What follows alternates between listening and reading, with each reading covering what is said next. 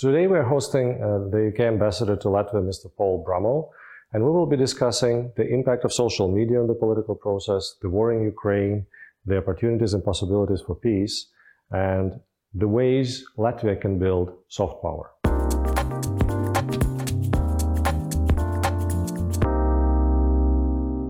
So we kind of start uh, hot off the press, I was preparing for the interview today in the morning, and I found, you know, a piece of news which I'm surprised people are not picking up. So as far as I understand, uh, uh, at the moment, the UK government is working through a, a legislative measure, uh, which is Protect the Internet Act or something like this.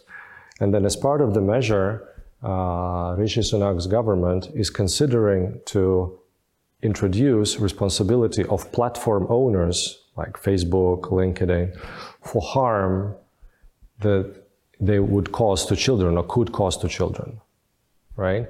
And then, as you probably know, in, in today's environment, we say that you know platforms are platforms. Everybody can post on the platforms, uh, and then people should be responsible for whatever they post themselves on the platforms. But then this overall impact uh, is not really kind of it's like the problem of the commons, right? This, the proverbial, you know, field with the grass is kind of, you know, it just happened, right? And I was like very surprised how easy it is. It's just, you know, yeah, maybe this, we're going to get introduced. So how do you see that from your experience perspective? You know, would it be a good measure? Why this type of a simple thing to do, which would protect children, takes so much time to discuss? I think it's one of the big balancing acts of our time, actually. Um, the, the UK, as a basic standpoint, is a country which believes in freedom of expression. We believe in freedom of the press and we believe in an open internet. And we believe in those things because you see the consequences, what happens in places where those things don't exist. You have authoritarian regimes which manage access to information for their citizens. We're, we're seeing something uh, r- rather similar in, in, Russia at the moment, for yes. example. Um, but nonetheless, you can't have, uh, there have to be some checks and balances because there are risks in any system of exploitation. Um, not everybody who uses uh, the internet is doing so in a benign way. Uh, there are very vulnerable people using mm. the internet, children, uh, minors, for example. Uh, and that's why the, the, you know, the online harms bill is focused on uh, making sure that uh, children can use the internet in, in, in a safe way to avoid being exploited by, by the internet. And that means that organizations who provide access to uh, to the internet, organisations providing crucial access to the, the internet, have have to bear some responsibility. Um, you know, they, they can't simply provide a, a, a free for all. And so I think that uh, the online harms bill, I mean, I can't. I, I, I, can't comment definitively. It's still going through it is going, going through Parliament, yeah. so there are still uh, views, there are still amendments being being made. So I'm not sure exactly how it will turn out. But I think the discussion we're seeing in, in Parliament at the moment. It's a very important discussion, and it's a discussion about trying to get that balance right between uh, preserving freedom of expression, preserving an open internet, but actually making sure that we're also safeguarding people, including vulnerable people who, who use it and need it. And what fascinates me is that this is typically not a mainstream discussion because also in the case of the UK, the bench, the backbenchers have forced it on the government to consider this, right? Uh, because I mean, this is an important question, right? It is a, a pretty clear question. So, and then also if we look in, in, the case of the U.S., you know, all of the main platforms are actually asking, you know, please, you know, consider and introduce certain regulation. Do you see it in the same way? Do you see that, you know, we're like not trying maybe to regulate what could be regulated? I think you're, I mean, broadly speaking, I think you're right. Actually, my impression, I'm, I'm not an expert personally, mm. but my impression from what I'm reading is that actually most of the platforms are asking for clarity, you know, to tell yes. us what our responsibilities are. Um, so, so I think you know the, the the fact that there should be some level of responsibility is actually uh, uh, acknowledged. Of course, there are there are differences of, of perspectives. yes. I mean, there are there's, there's money involved as, as as as well as principle, but. Um, but I think you know there's no dispute over the fact that this is a legitimate thing for, for governments to be to be looking at, and that some degree of, of regulation is is important and, and, and indeed necessary around this area. And from your perspective, you're specialized in soft power and you've written about soft power. Um, how much did uh, unregulated social networks had an impact on the on the political process over the last you know five ten years? So where do you see the real impact that they had versus you know imaginary or you know noise about them actually having an impact? I think the I think the impact of social networks actually is is huge, um, and I'd see this just in, from my very narrow perspective as, a, as a head of a diplomatic mission, um, thinking back when I was first appointed ambassador. Um, you know, 20 years ago, it was it was a quite a quirky place to be appointed ambassador. It was in Turkmenistan, which even today has has is, is It was not, Turkmenistan? Yes, exactly. It's not not a country which has uh, a, a straightforward relationship with social media by any means. Um, but but actually, you know, for my colleagues around the network, um, we still did things like um, issuing press releases that we wouldn't really consider doing now. Uh, and now, you know, in that 20 minute, uh, 20 year time frame, um, the way that we as a diplomatic mission engage with our host countries has transformed. We're much more focused on social media. You know, it's the embassy Twitter site or Facebook page is, is the way we we communicate, and it's the way journalists communicate with us. They pick up what we're posting on, on, on Twitter or or Facebook. Um, and so social media has, has become much more a driver of, of news. Um, big accounts have you know millions of millions of, of viewers, um, but it drives news in a way that is not quite as clear as the conventional press.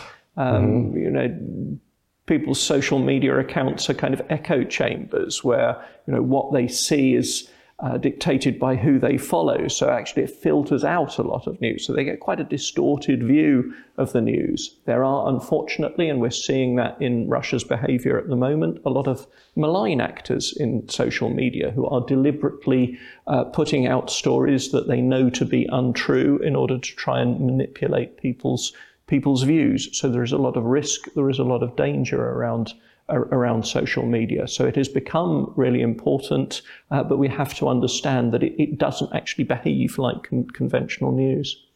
And that's also kind of a topic that you know I always you know look at because you know if you take you know the classical you know John Stuart Mill argument that you know you, you have to give people an opportunity to speak up because eventually you know it is much worse uh, if they don't right and if we look at you know the, the right wing or extreme left wing politicians within European Union um, do we really do a good job in making sure that you know we are open to views which are uh, opposed to the majority of you know center li- right and center left? For example in covid it was pretty clear that you know some sort of openness from from both sides would be welcome. I think, I mean, I think looking at the political landscapes in you know, very many countries, um, I think that there is, if anything, you know, more of a spectrum these these these days. I, I think um, I, I mean social media is perhaps part of it. It's certainly by no means the, the, the whole answer. I think um, you know the crises that have that have struck the COVID pandemic, for example, maybe maybe another factor. Um, but I think polit- the kind of political discourse has has favoured the emergence of views on the you know on the far right or the far left or, or a kind of populist views in, in a range of places. Um, that doesn't mean they've become in the ascendancy everywhere. They, you know, obviously we had uh, Mr. Trump in, in the United States, Mr. Bolsonaro in, mm-hmm. in, in, Brazil. We, we, we did have some, some figures emerging yeah. in this landscape, but um, in, in, in others, they, they have become sort of powerful but not, um, but not gov- government voices. Mm-hmm. But, but I don't see, you know, I don't see any kind of real tendency towards homogenization. If, if anything, I think no, some, no. something something of the reverse no. actually over the past few years. Mm-hmm. And then maybe switching topics a little bit, uh, talking about Brexit. Um, so there were different expectations, different plans mm. about you know what could happen, should happen, you know, after Brexit, mm. especially once you know Brexit was a fact or the decision was a fact. Um, there were scenarios of you know Singapore on Thames type mm. of a, approach, or uh, you know Japan being close to China approach. Um, how do you see that developing today in the in the UK political discourse? Uh, so, w- what maybe are kind of more realistic assessments of how UK would like to position itself yeah. vis-a-vis Europe, and then how do we how do we make sure that we face the new challenges that Europe faces. You know, you can exit, you know, the EU, but you cannot leave Europe in a sense, right? Absolutely, nor, nor, do we want to. We, are, a, we are a European country. Yeah. We are a European power. Yeah. We're very happy with, yeah. with, with that. We are happy with our geography. Um, I think. Where, what would I say? I mean, I think that Brexit fundamentally, um, certainly from the perspective of our of our government, was around um, taking back control or making sure that uh, decisions can be made by uh, lawmakers in the United Kingdom for the United Kingdom, meeting the needs of the United Kingdom.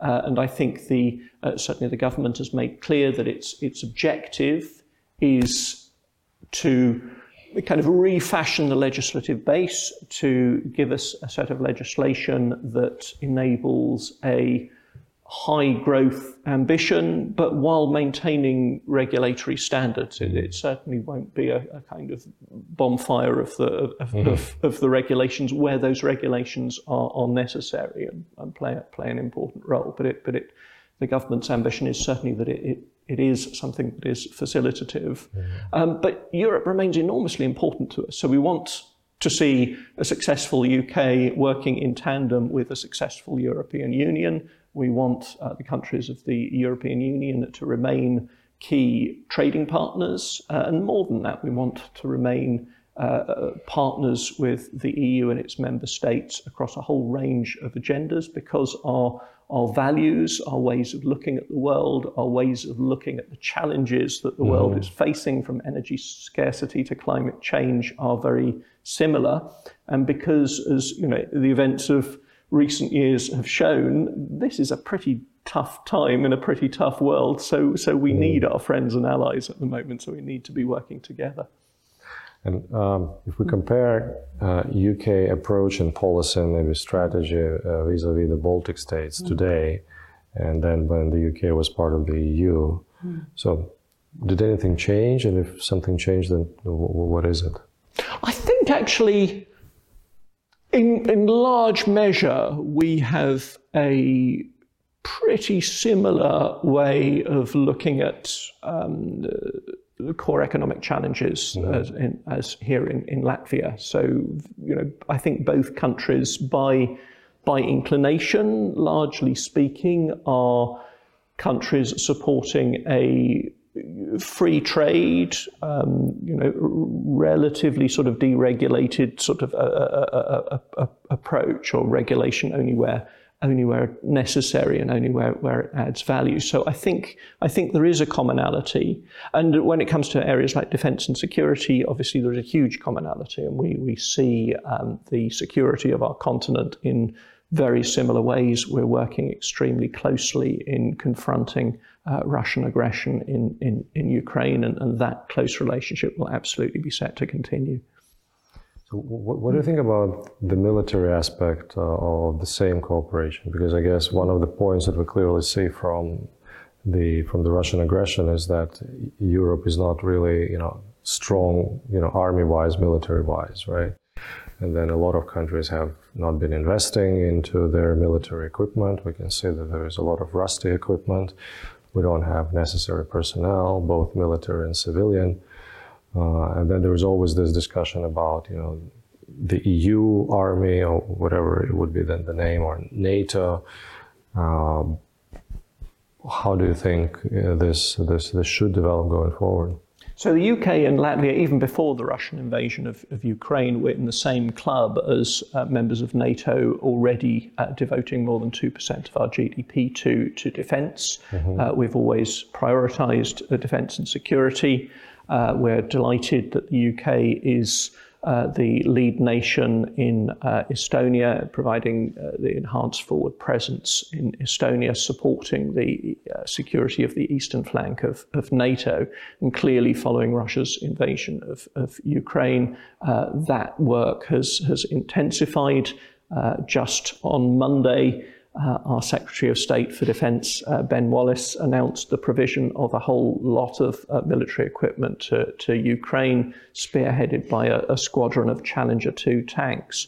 Uh, so, you know, our commitment is, is strong. I think the Russian invasion of Ukraine has demonstrated uh, the areas where NATO member states need to focus, where they need to modernize uh, their defences. And I know Latvia has responded to that uh, for example, in identifying a key need to uh, get an improved solution around things like medium range air defense. So, so there is a lot of work going on. I think there is even more investment going on in, in armed forces. I mean, not just in countries like ours, which have always been doing it, but actually in some of the countries which before Russian invasion of Ukraine were spending rather less on defense. I think most of them are now upping their game. We have Sweden and Finland uh, both applying to, to join NATO, which I think is hugely positive.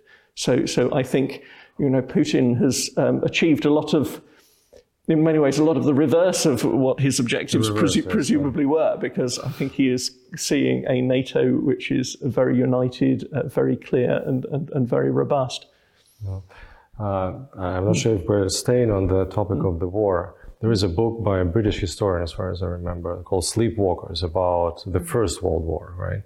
And the argument in that book is that uh, it happened, you know, in sleepwalk, right? Uh, that uh, most of the uh, leaders of that time, which were, you know, both the czars and elected leaders, they just, you know, kind of casually walked in without like understanding the consequences of the war, even if uh, the Russian Japanese war clearly indicated that the losses will be 10 times, 1,000 times bigger than the typical European 19th century war, right? So sleepwalking into the war. Um, a great book. And then how do you see, you know, how this war happened? Did we sleepwalk into it or? No, I think the circumstances are very different. Mm. And actually, I think the Russia-Ukraine, uh, you know, Russia's invasion of Ukraine is in some ways unusual in modern conflict, or particularly striking in modern conflict, because it is so clear cut. You know, it is not a, a, kind of muddled, not quite clear what happened or who's at fault here. It, it, it is actually an example of naked, naked aggression of one country. It is, it is, it is. Completely uh, unlawfully invading the sovereign territory of another one. And actually, I think that's why the UK is so clear about what it is that we need to do, and I know our view is, is absolutely shared by Latvia that um, this circumstances of this conflict are so clear that what we must do is, is support Ukraine. Yeah.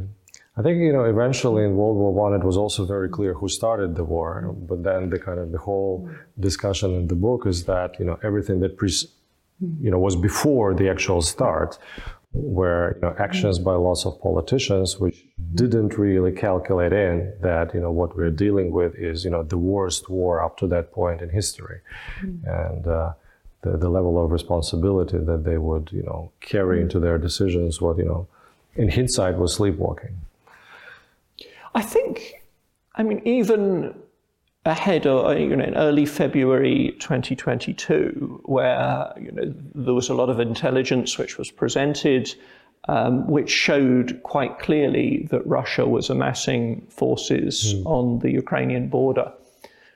But even then, armed with all of that information, you know, a lot of the most respected analysts were looking at this information and saying, surely they're not going to attack. Yeah. and, and, and, the reason for such skepticism is very sensible in many ways. It, you know, it's not quite unimaginable. It, it's not clear what Russia really hoped to gain by by doing so. By if they wanted a regime in Ukraine which was more supportive of Russia, the last thing you would want to do is invade Ukrainian mm. territory and and uh, ruin the lives of kill ethnic Russian or Russian speakers in eastern parts of, of Ukraine closest to the Russian border. So it, it, was never going to achieve Russia's objectives. So, so the, you know, the, the, the skepticism of many commentators uh, was quite clear. So I think that's why I, I, think the West can be forgiven for not quite, you know,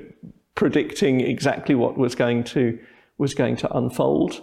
Um, but I think looking back at the events of 2022, I think the response was more robust, certainly than Putin expected, but I think than many people in the West expected. It was more united, it was clear, and it has been maintained right through 2022 mm. and into 2023. Uh, we have a, a, key meeting just about to take place in, in Ramstein, for example, around continuing uh, enhanced provisioning for, for, for Ukraine. Uh, and so I think that degree of unity and solidarity uh, is, in, is in no doubt it's being maintained. If we try to talk about peace, right, mm. then you know all wars they, yeah. they, they do end. if we again compare it to World War One and World War Two, right, then you know an argument can be made that the Allies won uh, World War One, but then lost the peace because the peace provisions they you know led to the continuation, or as Churchill said, you know it was actually one war, right? And if we look at World War II, then there is also an argument can be made that the Soviet Union has won World War II, but then lost peace, right? So winning the war and winning peace, you know, are two different things, and uh, the arrangements after the war, they can actually lead to a next war. Um, how do you see, how do, how do we, how should we think, maybe not even shape because we're probably far away, how should yeah. we think about uh, the peace arrangement, peace treaty, you know, assuming that potentially when the war will stop, it will be just a stop, it will not be a peace treaty, and then there may be a longer journey to a treaty. How should we think about that from, from, from your perspective? I mean, obviously, there are so many unknowns at this stage oh, yeah. that you can't say anything yeah. with, with, with confidence. Um, but I think it is possible to identify some key considerations. Mm. I think the first thing is that nothing should be done over the heads of the Ukrainians. You know, this is their country, uh, and a peace settlement must be uh, something that is that Ukraine is, is fully happy with and, and, and engaged in and, and, and involved in. So I think that's, that's crucial. I think another important consideration is that the aggressors, those, those who are responsible, have to pay for what they've done. I think that so so um, there's a lot of discussion now around around a tribunal, around the, the you know the form in which a, a reckoning will will take. Um, uh, of course, it's important to think about um, the international order, about the well-being of the of the international community, and hopefully a future in which uh, Russia, a different sort of Russia, can be um, a, a, friend and a, and a, partner in that international community, because that, that will be that will be important. Mm. so there is an awful lot to, to think about, um, but the first step is, of course, that Ukraine needs to regain its territory. It needs it needs to be uh, successful in repelling the, the Russian invasion. Mm-hmm. Uh, yeah, thank you. Then, um, if we kind of take this a little bit forward, um, as far as I remember, after the end of the Second World War, so one of the first kind of peace plans was to uh, ensure that uh, Germany uh, remains unindustrialized. Mm. right? And uh, this was up for about two years, and then the Marshall Plan only arrived after that. Uh, and then the Marshall Plan arrived after that once uh, the Allies understood that mm-hmm. it's not going to work, right? It doesn't work economically, it doesn't work from country perspective, et cetera, et cetera, et cetera.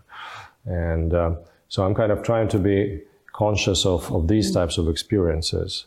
Uh, and then like, you know, what are those realistic conditions around which should we shape, especially European security, maybe not even world security, but European kind of convent of security, which would uh, provision or envision that uh, Russia at some point in time, as you said, renewed Russia, uh, but would be part of that uh, peaceful Europe. So I think these these are really crucial conversations mm. to have. I think we're, we're not at the point where we can sort of say meaningfully what, what that what? will will look like or, or what the terms are, are, likely to be. As, as you say, I mean, historical experience shows us this is really important and this is really, really difficult. Mm-hmm. And actually, um, forging peace out of, out of conflict is not an easy thing to do, and it's a vital task for the, for the international community. Um, I think that you know, there are already some, some steps along the, the glide path which are important. And the United Kingdom will be hosting a, a Ukraine reconstruction conference, for example, later later this year. Um, so, you know, there are venues where we will start to have this conversation. I think it will be in, as important um, to maintain a kind of international solidarity and, and a clearness mm. of vision around the peace as we have done around the, uh, the conflict and responding to Russian aggression. Um, but you know, the detail, as I say, is, is yeah, conversations which still need to emerge. Uh, and then as we draw to the end, uh, mm. so one of the fictitious UK PMs uh, in, a, in, a, movie Love Actually, he, he said that mm. you know uh, Great Britain is a country of Harry Potter, mm. of uh, David Beckham's left hand, mm. left leg, and right leg. Uh, so you know, it's a question about soft power, mm. right? And uh, of course, the UK is a country with a lot of, you know, very famous, for example, footballers, right? And if you think about soft power for a much smaller country with a much smaller potential of producing an impact on people's imagination, like Latvia. So, how do you think we should shape, you know, realistically speaking, uh, not being able to, to kind of pretend that we are, you know, as strong as the UK? How should we shape our own soft power? Well, the great, the great guru on soft power is a, is a US academic come politician called Joseph Nye. Yeah. And he uh, says, I mean, soft power is, is essentially um, how a state secures influence not through its military might or its economic might, but how a state secures influence by being attractive to other states. Mm-hmm. For other, other states think, oh, that you know that country is really nice. They're really good. I, I like them. I want to work with them. That, this is this is his basic idea. And he says there's three things which make up a country's soft mm-hmm. power. Mm-hmm. One of which is its culture. The second is its values, and the third is how it behaves internationally. So I think the, the task for Latvia is to look at yourselves in, in that mm-hmm. way. You know, what is it about Latvian culture that is attractive internationally? And I think you've got some uh, some amazing things. I mean, I'm really looking forward to the Song and Dance Festival yes. later later this year, which I think is just an amazing showcase of, of kind of national unity through uh, through the medium of choral singing. I mean, what better example of soft power could, could there possibly be than that, I think. Uh, the second, second thing is, is values. So it's about making sure that Latvia stands for values which are attractive to other countries. That, you know, what Latvia thinks and, and, and what it stands up for is stuff that people think, oh, yeah, they're, they're right. They do good stuff. And finally, international behavior. It's about behaving positively on the international stage. Thank you. Thank you for those insights. You're very welcome. Yeah. It's lovely talking Good. to you.